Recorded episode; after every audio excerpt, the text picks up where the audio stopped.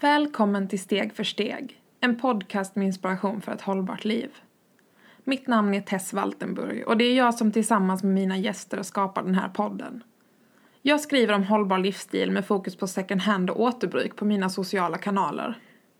Förutom här hittar ni mig på min blogg tessvaltenburg.com, min Instagram tess.valtenburg och på Youtube.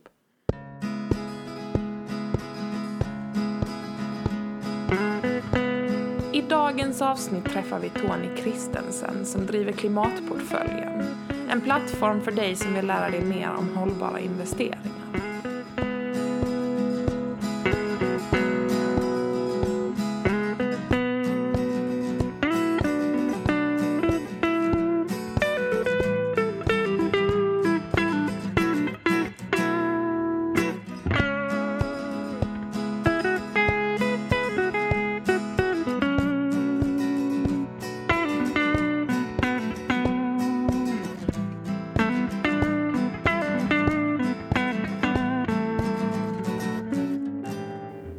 Lyssnar på Steg för steg, en podcast med inspiration för ett mer hållbart liv. Vill du börja med att berätta lite om dig själv? Ja, det vill jag. Eh, Tony heter jag. Eh, bor i Göteborg. Eh, så. Och har en treårig son som jag gärna spenderar ledig tid med. Så det kan vara lite sån kul information om min rent privata sida. Eh, men annars så jobbar jag ju som hållbarhetsrådgivare. Jag hjälper företag att bli hållbättre, brukar jag säga. Eh, jag sitter i styrelsen i Medveten konsumtion. Eh, och den största anledningen till att jag är här och pratar med dig idag kanske är att jag för en tid sedan startade Klimatportföljen där jag försöker resonera lite kring vad som är hållbart och icke hållbart i, när vi pratar om sparande med fonder och aktier. Vi fick, fick faktiskt in ett eh, förslag att intervjua dig. Ja, Det är lite precis. speciellt, du är speciellt inbjuden. Fantastiskt. Det är alltid roligt och, eh, när folk gillar Mm. det man gör och vill höra mer om personen bakom också. Ja. Hur kom det sig att du började med det? Eh, Tänker du klimatportföljen? Mm. Men det, det är jättespecifikt faktiskt. Eh, Jag var med i, i TV4 Nyhetsmorgon i somras, typ eh, två månader sedan idag när vi sitter här och pratar. Eh, Där var jag i min roll som styrelseledamot för medveten konsumtion då. Men när jag var med och pratade om World Overshoot Day, det var därför jag var där. Mm. Men när jag var med där så fick jag en fråga kring just det här med hållbart sparande eh, och, och hur människor kan tänka mer kring hållbarhet i sitt sparande för att leva mer hållbart och gynna planeten och människorna. Eh, Och då svarade jag något som ganska standardaktigt svar på den frågan. Så som, som människor ofta gör, tycker jag, när det gäller just hållbart sparande. Man, det blir ofta ganska ytligt. Eh, och jag tyckte att mitt eget svar blev ganska ytligt också. Och, och, men blev jätteintresserad av varför jag svarade som jag gjorde. Eh, och så började jag liksom googla runt lite och titta lite. Men vad finns det för tips och råd kring det här? Eh, Mm. Och bara insåg att men shit, det finns nästan ingenting. Eh, alla som pratar om hållbart sparande pratar om att ja, men, tänk hållbart när du sparar. Och det kan du göra genom att välja fonder som heter typ hållbar fond eller som har någon slags märkning och så vidare. Och, då, och det visste jag ju sedan tidigare att det, de där namnen och märkningarna, det var jag inte helt nöjd med själv. För jag tyckte inte att det hjälpte mig att göra ett val. Och eftersom ingen annan hade liksom gått mer på djupet än de här klassiska eh, ytliga tipsen så kände jag att då är det väl min uppgift att göra det. Mm. Eh, Så då drog jag igång klimatportföljen. Har du alltid tänkt hållbart i ditt eget sparande? Nej, absolut inte. Nej. Eh, Det, det har jag verkligen inte. Eh, Det är väl sedan några år tillbaka. Eh, Jag har jobbat som hållbarhetsrådgivare i fyra år kanske, fyra, fem år. Jag har jobbat med hållbarhet och hjälpt företag med det. Och det är väl i samband med, med det som jag har tänkt kring det här överhuvudtaget. Och förstått att ja, men mina pengar påverkar också och där kan jag göra medvetna val. Men sen är det nog ännu kortare tid, bara de senaste åren, som jag har börjat liksom förstå eller göra mina egna analyser. Innan gick jag nog också på det som hette hållbar fond eller det som var Mm. märkt av någon märkning och så vidare. Eh, men nu gör jag ju liksom egna hållbarhetsanalyser av mitt eget sparande eh, och jag har en tydlig bild av vad jag vill vara med och stötta och inte. Ja, för det kan verkligen vara en djungel. Det känner jag som inte har ett dugg intresse av investeringar mer än att jag vill kunna göra bra val och jag vill kunna spara både för mig själv och så att det gör gott för resten av världen. Ja. Hur skulle du säga att... Vad är dina grundtips för den som vill investera mer hållbart? Det, det första tipset, eh, eller den första frågan som, som du och jag och alla andra måste ställa oss själva eh, det, det är två frågor faktiskt. Det är så här, vad är hållbarhet för mig? Mm. Eh, Och den andra frågan är ju vad är det viktigaste kring hållbarhet när jag tänker just kring mitt sparande och mina pengar? För det är ju så extremt brett det här området. Ehm, Men om det absolut viktigaste för mig eh, när jag sparar är att mina pengar får absolut inte finnas i någon typ av kontroversiell bransch. Jag vill inte liksom, stötta oljebranschen eller vapenbranscher eller eh, kolbranschen eller den typen av liksom, allmänt ganska smutsiga branscher.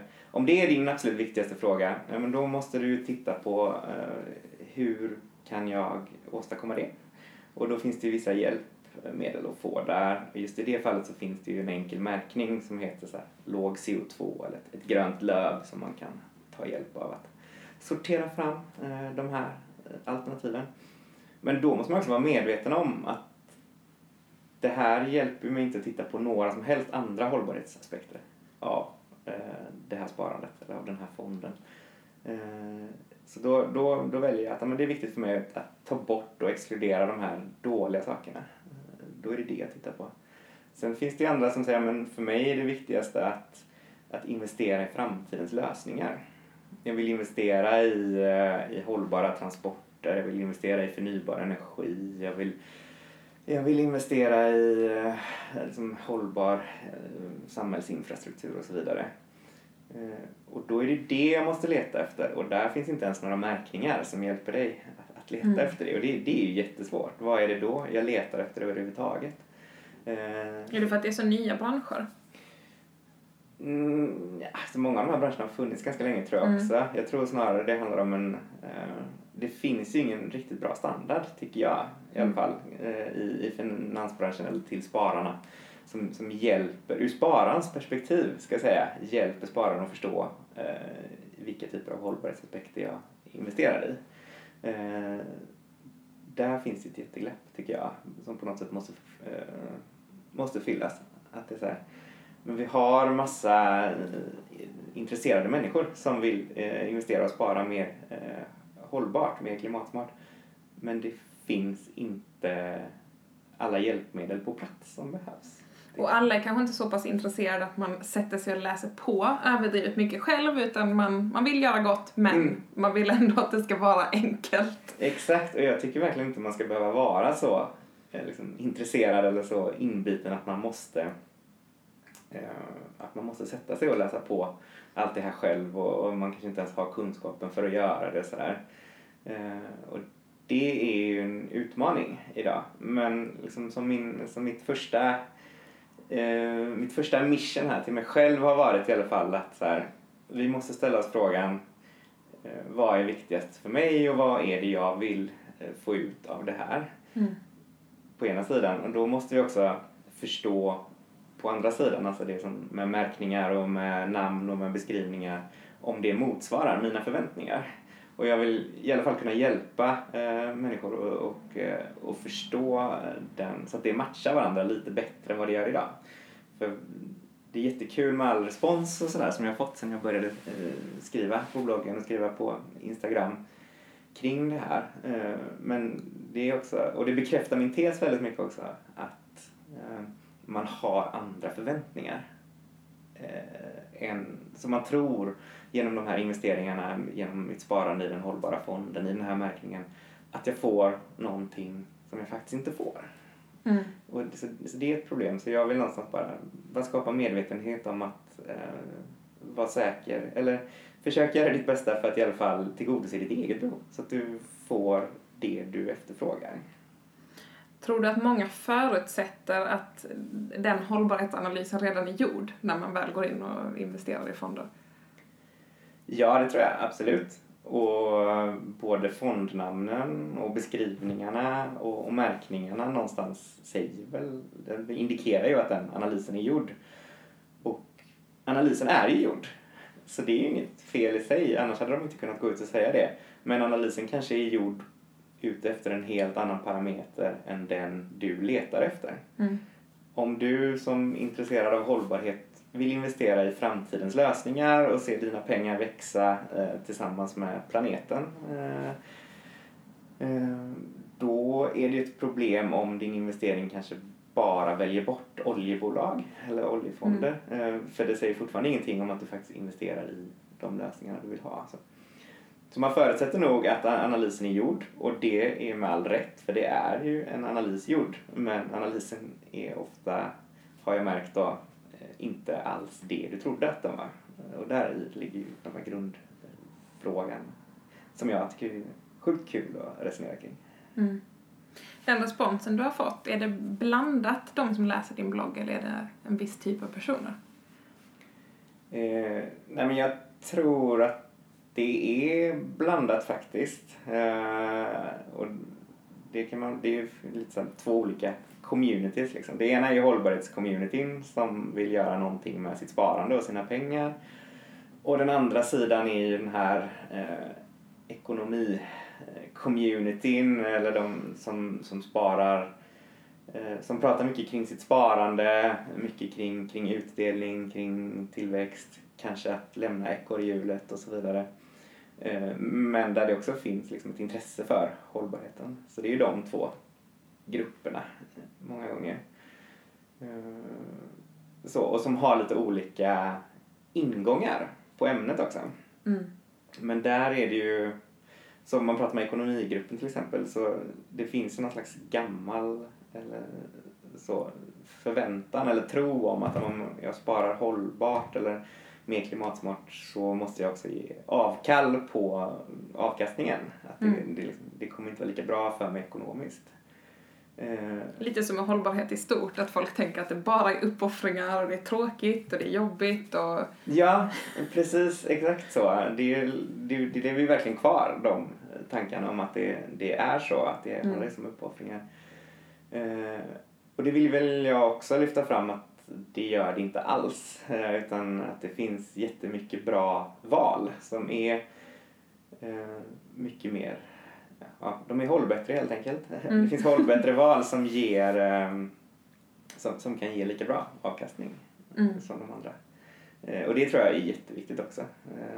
För annars, jag tror vi måste prata om de sakerna kombinerat också. Mm. För om vi inte gör det och bara pratar om att lägga pengarna på hållbara saker men sen så växer inte pengarna som tanken var, då kan man ju nästan lika gärna investera dem i, i välgörenhet. Mm. Eh, och det är inte därför jag sparar eh, många gånger. Eller aldrig. För då lägger jag pengarna, då lägger jag pengarna i, i välgörenhetsprojekt istället. Och det är ju också jättebra att göra det men då har jag ett helt annat syfte med, med det jag gör. Ja. Tror jag. Mm.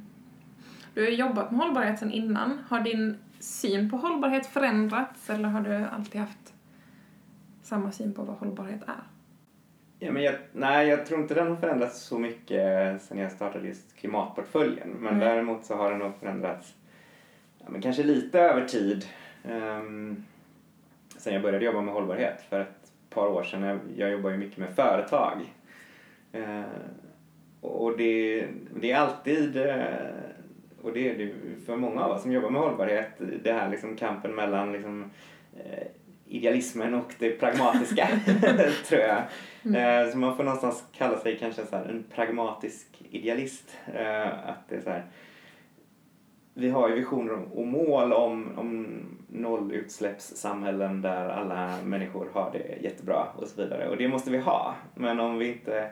Vi måste också se, vi måste prata samma språk som, som andra eh, också. Om, om andra har, om företag till exempel har ett syfte att, att sälja en viss produkt eller en tjänst, då måste vi prata deras språk för att få dem att anpassa den produkten och Mm. bli mer hållbar. Eh, Så den förskjutningen över tid hos mig i alla fall är väl kanske aningen åt en mer pragmatisk eh, hållning då Mm. till, till begreppet tror jag. Har du lättare för att kommunicera med olika grupper idag än du hade tidigare? Ja, men det tror jag. Det, det blir en utveckling över tid också. Alltså, eh, man märker ju vad som funkar och inte funkar. Eh, vad som tas emot väl och, och vad som inte tas emot väl. Eh, så det blir väl en anpassning över tid också. Som man Mm. förstår i olika sammanhang. När det går och inte.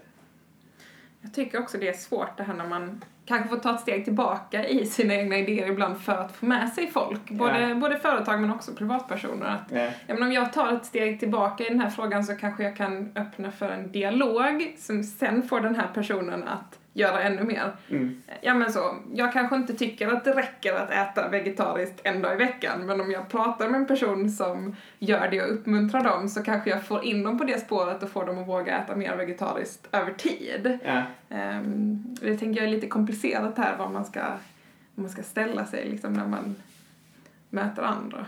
Ja, men precis. Det är ju jätte, jättesvårt. Och det är väl, där får man ju själv göra ett val också vilken metod man tror funkar bäst. Liksom. Men, Mm. men den här liksom, förskjutningsmetoden över tid, eller påverkansmetoden, den, den gillar ju jag. Mm. Eh, Jag tycker det, det är liksom det, det är mitt uppdrag lite känner jag också att, att få, med, få med fler än de som redan eh, har samma tankar som jag. Det, det är det viktigaste nästan eh, i, i mitt arbete. Både liksom som hållbarhetsrådgivare och som klimatportföljen. Det kan ju vara en ganska rolig utmaning också det här hur kan jag få med mig så många som möjligt som aldrig hade varit med annars. Ja, nej, men verkligen. Eh, Det är väldigt eh, svårt kan det vara också. men, men, eh, men kul. Eh, Men där finns också en väldigt stark koppling till just det som jag pratar om i, i klimatportföljen och vad som är en hållbar investering och så vidare. Ehm, Och, för några år sedan eh, så pratade ju alla väldigt mycket om, liksom, om, att exkludera dåliga branscher. Eh, och att så här, man pratar mycket om att divestera då, att ta bort sina pengar från olja och vapen och så vidare. Eh, och det, det ju, pratar man ju fortfarande om och det är ju viktigt tycker jag. Men man pratar ju mycket, mycket mer nu om, om påverkan också. Att om du äger eh, aktier i ett bolag eller om du äger en fond som äger aktier i ett bolag. Alltså hur arbetar du då med att påverka det Mm. bolaget? Eh, och där finns det mycket större möjligheter än, eh, än vad man många gånger vet och tror kanske. Det är jätteintressant. Men alltså om vi, vi har pratat en del om fonder nu, men om vi pratar om att, eh, om att spara i, i aktier också. Då är det ju lite lättare kanske att, att välja just den eh, nischen man själv vill ha, eh, vad bolaget gör och så vidare. Eh, sen så tar du ju en större risk också ofta då, men Eh, men det som är intressant då är ju att det, det räcker egentligen att du köper en aktie i ett bolag eh, och då, då har ju du plötsligt tillgång till det bolagets årsstämma. Du Mm. kan ju lägga en motion där. Eh, Så kan du gå inför liksom alla storägare i bolaget och säga Hej, jag tycker att eh, jag är delägare i det här bolaget. Eh, Jag tycker att eh, det här bolaget ska bli fossilfritt om fem år. Mm. Eller jag tycker att vi bara ska ha levnadslöner i vårt bolag och så vidare. Eh, så kommer man ju rösta om den här och så kommer ju alla säga nej det blir för dyrt, det kan vi inte göra. Eh, men tänk bara vilken, vilken sjuk skillnad du har gjort genom att lyfta det här i det forumet. Mm. Eh, och då pratar vi om påverkan ur ett sparandeperspektiv men det kopplar tillbaka till det du sa också om att bara prata med de som redan tycker likadant eller de som tycker annorlunda. Precis. Och där har man ju både påverkat genom att lyfta frågan i ett forum där det kanske aldrig hade lyfts annars. Ja, Men också det att jag tänker det är viktigt också att visa vilka bolag som aktivt tar ställning emot någonting. Emot Mm. levnadslöner, Mm. emot eh, fossilfrihet eller liksom vilka som faktiskt kanske bara inte har tänkt på det. Ja. För det är inte deras bransch. nej precis. Liksom. precis. Ja, men det är jätteintressant som du säger då att eh, om du, om du lägger en sån motion till ett, ett börsbolag där du har tillgång genom att äga en aktie då, så, så kan du ju tvinga dem till att ta ställning just emot fossilfrihet Mm. eller emot levnadslöner och det är ju ett ganska skarpt ställningstagande eh, som man kanske inte vill förknippas med. Det kan ju sätta igång en, en bra process i nästa steg då mm, när det kommer ut att vi röstade nej till fossilfrihet, vi röstade nej till levnadslöner och så, så skriver alla stora tidningar om det och så blir det så här. ja okej, nej men det blev nog lite fel där. Vi får nog ta ett omgrepp kring det. Så kanske Mm. du som enskild person har fått dem att, att se den frågan. Har du testat det själv? Jag har inte gjort det. Nej. Eh, Jag, jag har precis liksom blivit ganska invigd i den här tanken så jag funderar eh, som mer och mer vad, vad jag kan göra med den insikten eh, och den möjligheten. Mm. Alltså både vad jag kan göra själv och, och jag får göra någon slags pilottest tänker jag om jag ska förespråka det som metod. Men, men också vad jag kan göra tillsammans med eh, ja, men, som bloggens läsare och, och mina följare och så vidare. Vad, ja, vad man kan hitta på tillsammans kring det. det Om alla tar ett bolag var. Ja, om alla tar ett bolag var eller om man gör liksom så gemensamma aktioner Mm. eh, kring det. Det kan ju också vara ett sätt att, att få flera att lyfta liknande saker på samma, eh, Mm. för samma bolag och så vidare. En går på stämman, en kontaktar press om de röstar emot. Ja men exakt, det, det finns det är ju någon slags eh, aktivism, outforskad aktivism tror jag, Mm. eh, som är jätteintressant, som man skulle kunna testa. Och det är intressant också när vi pratar om då hållbarhetscommunityt versus ekonomicommunityt. För jag är med i några ekonomigrupper, även om Mm. jag inte är så superintresserad eller superinsatt själv så tycker jag det är intressant att följa det och liksom se vilka diskussioner som finns där, hur resonerar folk kring hållbara investeringar? Mm. Eh, och det är också intressant i ekonomigrupper för kvinnor, för det är vissa som är av åsikten att vi ska inte lägga ett större krav på kvinnor att investera hållbart när män ofta inte gör det. Eh, Men där vet jag vissa som har ju sagt det att ja, men om du tycker att ett bolag gör fel, när någon då reagerar på att gud det här bolaget gör investeringar i dem, ja, röstade emot det här eller de gjorde det här. Eh, Då säger, förespråkar många det, inte kanske att äga en aktie men att ja, men, ha kvar dina aktier och försöka påverka eller gå ihop med andra aktieägare. Mm. Och det, jag tycker det är ganska intressant Mm. liksom att Å ena sidan så vill man kanske inte investera i bolag man inte håller med, men å Nej. andra sidan är det ju kanske inifrån man kan påverka utåt. Ja, ja men verkligen så. Så där får man ju någonstans åter till den allra första frågan jag, jag sa här också. Alltså, vad är hållbarhet för dig och vad är det viktigaste Ja. för dig? Eh, och det är olika engagemangsnivåer och så vidare också. Och sen så kommer det väl alltid finnas eh, branscher eh, där man kanske inte är intresserad av att gå in överhuvudtaget. Och sen finns det branscher som man kan tänka sig vara med i men påverka positivt Mm. och så vidare. Eh, och någonstans så blir ju det där en väldigt personlig, personligt val också. Hur stark ställning man vill ta. Mm. Och, men jag tror mycket, alltså kopplat till det du sa, att inte lägga, vi ska inte lägga högre krav på kvinnor att, att spara hållbart än vad vi gör på män. Och det ska vi verkligen inte göra. Det är ju jättedumt liksom. Men däremot så är det ju fantastiskt att kvinnor kanske är bättre på det och Mm. tar ett större ansvar och ser de frågorna tydligare. Eh, Men det som är viktigt att ta vara på där i den är väl just kravet. Så här, alltså, kravet är inte på dig att göra det. Men Mm. däremot så, så ser du kanske möjligheten att göra det. Och det innebär ju, det är ju då är det en positiv sak för dig också. Precis, det är ju klart att, och det tänker jag generellt, att det är ju väldigt många kvinnor inom hållbarhetsrörelsen, Mm. inom olika områden och det är ju en fantastisk tillgång. Ja, Så, ehm, men jag tyckte det var intressant för jag har sett några sådana diskussioner i och med att den här gruppen jag tänker på är specifikt för Mm. Ehm, och vissa då har tagit upp hållbara investeringar och så känner vissa det här att ja men varför kommer du upp här? Ja. Och inte i det större sammanhanget, hur pratar vi med investeringar i det stora hela? ja, Eh, och det tänker jag ändå är viktigt oavsett om man pratar investeringar eller konsumtion också. Att, Mm. men hur vi förväntar oss att kvinnor ska bry sig mer. mm. Liksom. Jo men så är det ju verkligen och som jag inledde med här, som jag sitter ju i styrelsen i Medveten konsumtion också och hela den föreningens uppdrag är ju att få, få människor att eh, konsumera mer medvetet, mer hållbart eh, och göra bättre val.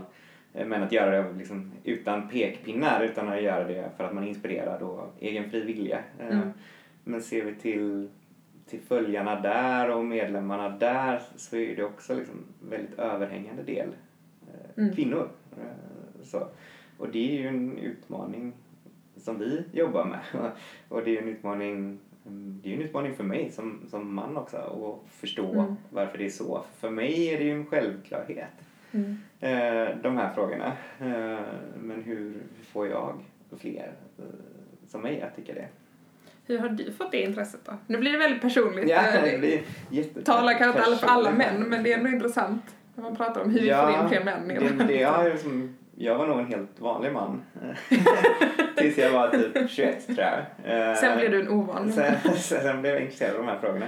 Men det finns en sjukt tydlig brytpunkt i mitt liv faktiskt. Mm. Eh, och det är en universitetskurs. Eh, och det var andra året jag pluggade på Göteborgs universitet. Så läste jag en kurs i humanekologi. Eh, jag tror att den hette från, den hette säkert från global produktion till lokal konsumtion. Mm. Eh, tror jag att den kursen hette, eh, humanekologi. Det var en 15 poängskurs och den, den öppnade upp så mycket nya tankar i mitt huvud. Eh, och det var inte så att jag var färdigtänkt efter den 15 poängskursen men, men den gav verkligen en helt ny riktning till hela mina liksom, egentligen fortsatta studier. Eh, så, och under den tiden så hann jag ju tänka ganska mycket. Och har ju utvecklat mina tankar kring det väldigt mycket sedan dess. Men det var, måste ju vara typ tio år sedan då, eh, Mm. tänker jag.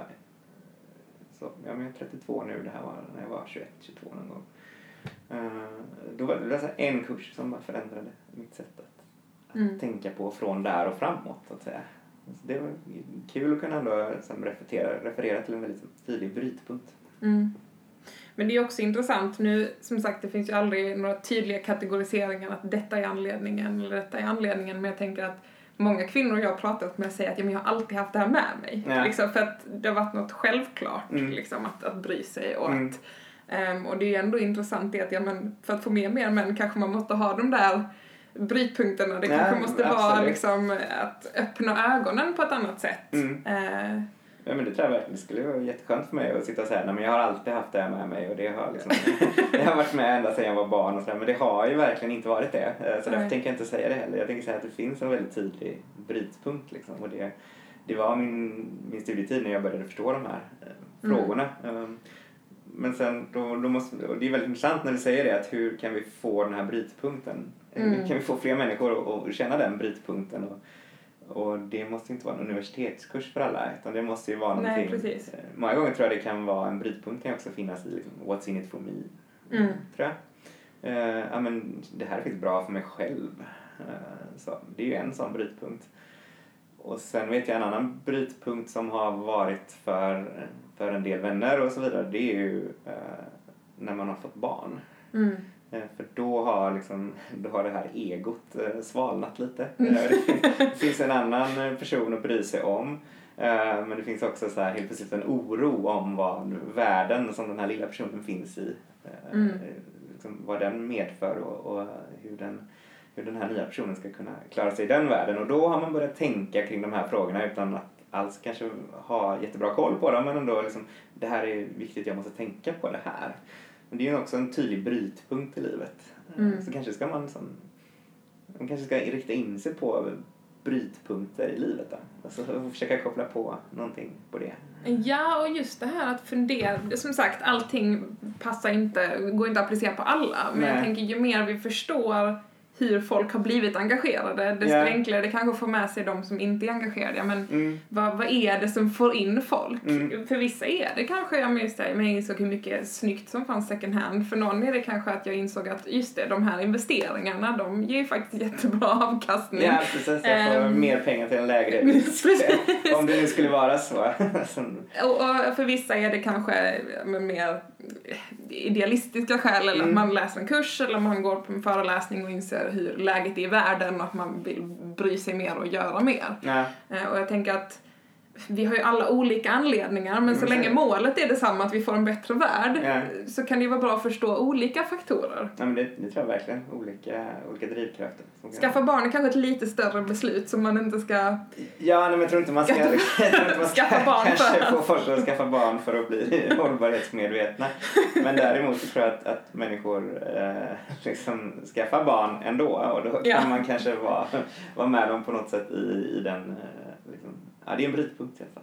Men det, jag vet faktiskt ganska många som enligt mig kanske inte har brytt sig Ja. så mycket innan Ja. som har börjat bry sig när man får barn. För det blir, men det blir ju mycket mer påtagligt och som du sa det här att man men jag tänker om man ska generalisera kring män och kvinnor att om män, om män kanske inte bryr sig lika mycket utanför sig själva Mm. ibland så är det ju verkligen ett sånt tillfälle då man oj, nu, nu får jag gå utanför mig själv. Ja, Eh, ja, men verkligen så. Och den här personen ska ju leva på den här planeten. Ja, och det måste jag ta ansvar för. Det är inte bara att spara i fonder till det här barnet utan det är liksom... Nej, exakt. Men, men när jag sparar då ska det vara liksom i, framtidens hållbara lösningar kanske. Ja. Kan man tänka då. Sen kan jag känna att föräldraskap också är ett sånt område som är ganska problematiskt när man pratar om hållbarhet. Framförallt när det kommer till vardaglig konsumtion. För Ja. det finns så himla mycket krav på en som förälder redan och så mycket stress och så mycket sömnbrist. Ja. Ehm, och det kände jag vissa miljögrupper kring föräldraskap blev jag ganska allergisk mot för att Ja. det var så himla mycket pekpinnar och så himla mycket, ja men just det här att med giftfritt i hemmet, jag försöker ju anamma det men Mm. ehm, så det kan absolut finnas två sidor av det myntet. Ja, det kan jag verkligen tänka mig. Eh, och där kanske det här kommer tillbaka till, kravställningen och vad som förväntas av dig som person. Mm. Där har inte jag eh, jag har inte upplevt några sådana krav eh, som man då. Eh, men det är ju för att det, det, är inte så traditionellt det ställs krav på män. Nej. Medan det säkerligen kommer till dig som, som kvinna. Så det, där kommer ju den aspekten in igen. Men som man uppmuntras man nog mer, Mm. upplever jag, framförallt som förälder, att Mm. eh, man är fantastiskt duktig om man är på sina barn. Exakt, det finns bara en uppsida. liksom. Det är tragiskt men, men så är det ju någonstans. Nu har jag ändå upplevt vår omgivning som ganska nyanserad. Men, Ja. men det är ju klart att det finns med oss. Mm. Alltså, men som vi pratade om också, det här gener- generaliserande, att kvinnor kanske bryr sig mer. Det är inte så att det går att applicera rakt av på vem som helst. Men, Nej. Men det är ändå en viktig faktor att prata om. För jag tänker vi Mm. behöver ju få med fler män i hållbarhetsrörelsen på olika sätt. Och hur kan man göra det? Ja, Vissa säger elbilar, vissa, eh, tekniksidan ska ju vara väldigt mansdominerad. Eh, Ja, men och det är väl intressant i sig. Det ligger ju väldigt mycket i, i språket och hur vi talar också. Ehm, när man pratar om hållbarhet och miljö så är det ju ofta väldigt mycket mm, kvinnor i de sammanhangen. Mm. Men när vi pratar om eh, som energi och teknik Mm. och sådär så är det ju ofta väldigt mycket män i de sammanhangen om vi benämner det med de orden. Eh, Men ofta så någonstans så har man ju samma mål eh, Mm. med den här liksom, ja, förnybar energi och cleantech och så vidare. Det är ju hållbarhet och miljölösningar vi pratar om. Mm. Så vi pratar om samma saker men vi benämner dem med olika Mm. ord och så lockar det eh, män och kvinnor eller olika målgrupper på, på olika sätt. Och det är nog väldigt viktigt att vara medveten om tror jag, alltså hur vi pratar om, Mm. om saker och ting och vad vi lägger i, i språket.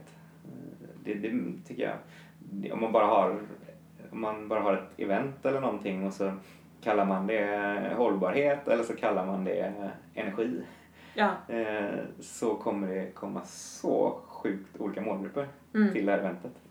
Man borde nästan testa att göra två identiskt likadana. ja, precis. Eh, kände jag här nu när jag sa Ja. det. Liksom, jag har aldrig testat att göra två likadana saker sådär. Men det borde man göra.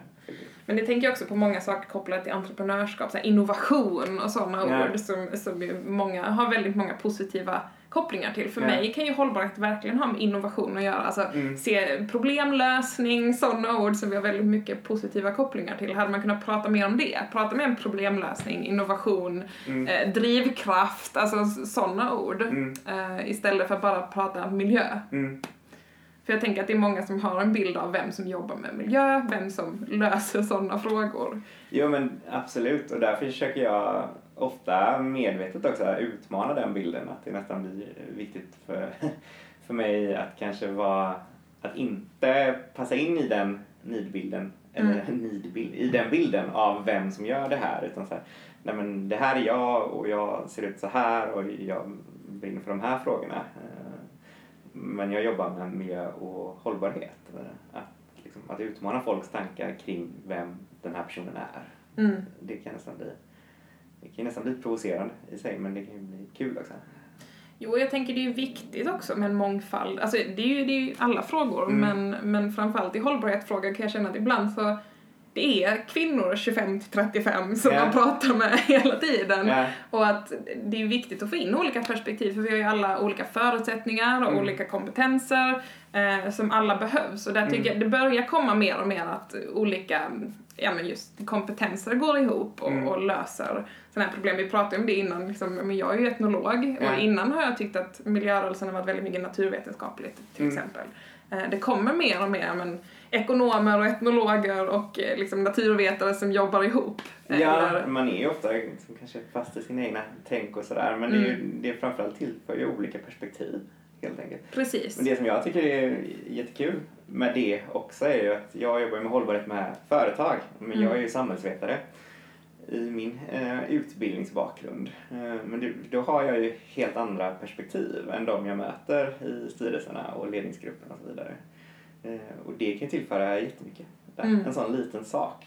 Eh, sen är jag ju en del av normen i sig. Liksom. Jag är ju en, en vit man som står och pratar om det men jag pratar om det med ett annat perspektiv. Mm. Och även om du har bra tekniska lösningar och de är inte baserade på vad människor faktiskt använder, hur människor faktiskt tänker, då kanske du inte får till den där beteendeförändringen ändå. Så Nej, jag tänker att det är liksom, vi måste ha, ja som sagt, allting ska ju användas av människor till Exakt. exempel. Ehm, Så det är etnologernas framtid helt enkelt. säljer in min kompetens här. Nej men, men det är intressant för man kan ju, behöver inte jobba med hållbarhetsfrågor som etnolog men för mig har det alltid varit så självklart att det Ja. går att applicera på sådana frågor. Men Ja. jag har samtidigt sett att det inte är så många som kanske gör det. Eller Mm. liksom, ja, många är sådär, en etnolog, jobbar du med fåglar då? Eller vad, vad gör du för någonting? Ja, exakt. Men det är intressant när vi pratar om det här med att vara den som men, bryter normen. För Mm. jag var på ett evenemang häromdagen där, där någon ville veta vad jag hette på Instagram och följa mig där. Mm. Så kom de in på mitt konto och sa men ditt konto är ju snyggt. för då visste de då att jag skrev om miljö. och det tyckte jag var så intressant för jag försöker också bryta det. Nu menar jag inte bara skryta om hur snyggt mitt konto är, men det här att folk blir chockade liksom att jaha, det ser ut som ett vanligt Ja, eh, inspirationskonto liksom. Ja. Eh, för mig har det ändå varit viktigt att ja, men jag vill ta fina bilder för att jag vill att folk ska kunna känna det här att man kan vara kreativ och att det kan vara roligt och snyggt och inspirerande att leva hållbart. absolut. Och det tycker jag är samma ur mitt perspektiv också. Ehm, Alltså delvis ur, det här med hållbar affärsutveckling och så vidare. Alltså du kan inte du kan inte ge en sämre tjänst eller en sämre produkt och kalla den hållbar och tro att det ska sälja. Eh, Mm. Så det finns ju ganska många som försöker sig på det. Det här handlar snarare om, om premium och att göra någonting bättre så att säga. Och det är Mm. som med ditt konto, om det är snyggare än alla andra konventionella konton så är det ett bättre Nu tog vi konto. i lite kanske. Nej, hylla den som hyllas bör. Nej men just att, att göra saker och ting bättre. Och på Mm. samma sätt för att ta tillbaka till klimatportföljen så tycker jag att eh, det säger, jag tycker inte att, att man ska spara kanske i hållbara eh, alternativ som ger mycket, mycket sämre avkastning. För då är ju syftet fel någonstans. Mm. Du sparar ju för att få en bättre framtid eh, och därför ska ju dina pengar växa. Det är ju därför du sparar. Eh, och det är klart att man kan, det beror på hur idealistisk man är och så vidare och hur man vill göra den bedömningen. Men rent generellt så finns det ju bra alternativ som ger lika bra avkastning. Så, Mm. Då måste man ju verkligen plocka bort den här uppfattningen om att nej men väljer jag att spara hållbart får jag sämre avkastning. Nej, det behöver inte vara så. Det finns ju jättebra alternativ. Eh, Och de vill jag lyfta fram, de, de bra alternativen också. Så att hela tiden tänka mervärde, tänka premium när vi pratar om hållbarhet. Att inte tänka uppoffring, att inte tänka tråkigt. Eh, Och det är jätteviktigt för att få fram det budskapet. Och det är så självklart för så många av oss som jobbar med det. Ja, det är ju så här, men jag tänker att det är också många som missar att förmedla det utåt. För, Ja. för att man tar för givet att, ja men, som sagt också livsstilsförändringar oavsett om vi pratar om företag och, och produkter men också liksom ens egen konsumtion. Att Mm.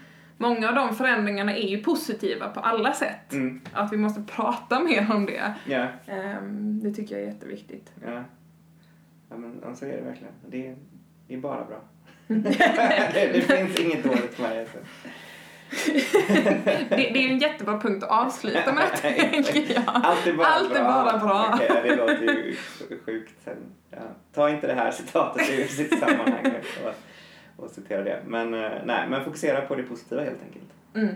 Det är ju bra. Det är jättebra. Det är en jättebra avslutningsrad. Absolut. Och, eh, och i din sparportfölj då, som, som liten avslutning också, att, att se vad som är viktigast för dig och försök förstå om dina val eh, matchar det. Mm. Eh, Det tycker jag är det absolut viktigaste. Liksom. Så att du inte blir missnöjd eller lurad för att du trodde att du valde någonting som du inte valde. Mm. Och eh, ja, jag ska hjälpa till så mycket jag kan på vägen. Jag länkar din blogg i beskrivningen så att alla kan. Magiskt ju. Och där kan ni ställa hur mycket frågor som helst för jag tänker att det jag vill skriva om är ju sånt som folk vill läsa om. Mm. Så vill ni veta om en fond är, motsvarar era förväntningar så kan ni väl skicka med den och fråga det. Så Mm. kommer en liten snabb analys tillbaka från mig. Perfekt ju. Mm. Tack så jättemycket för att du kom hit. Tack, det var jättekul.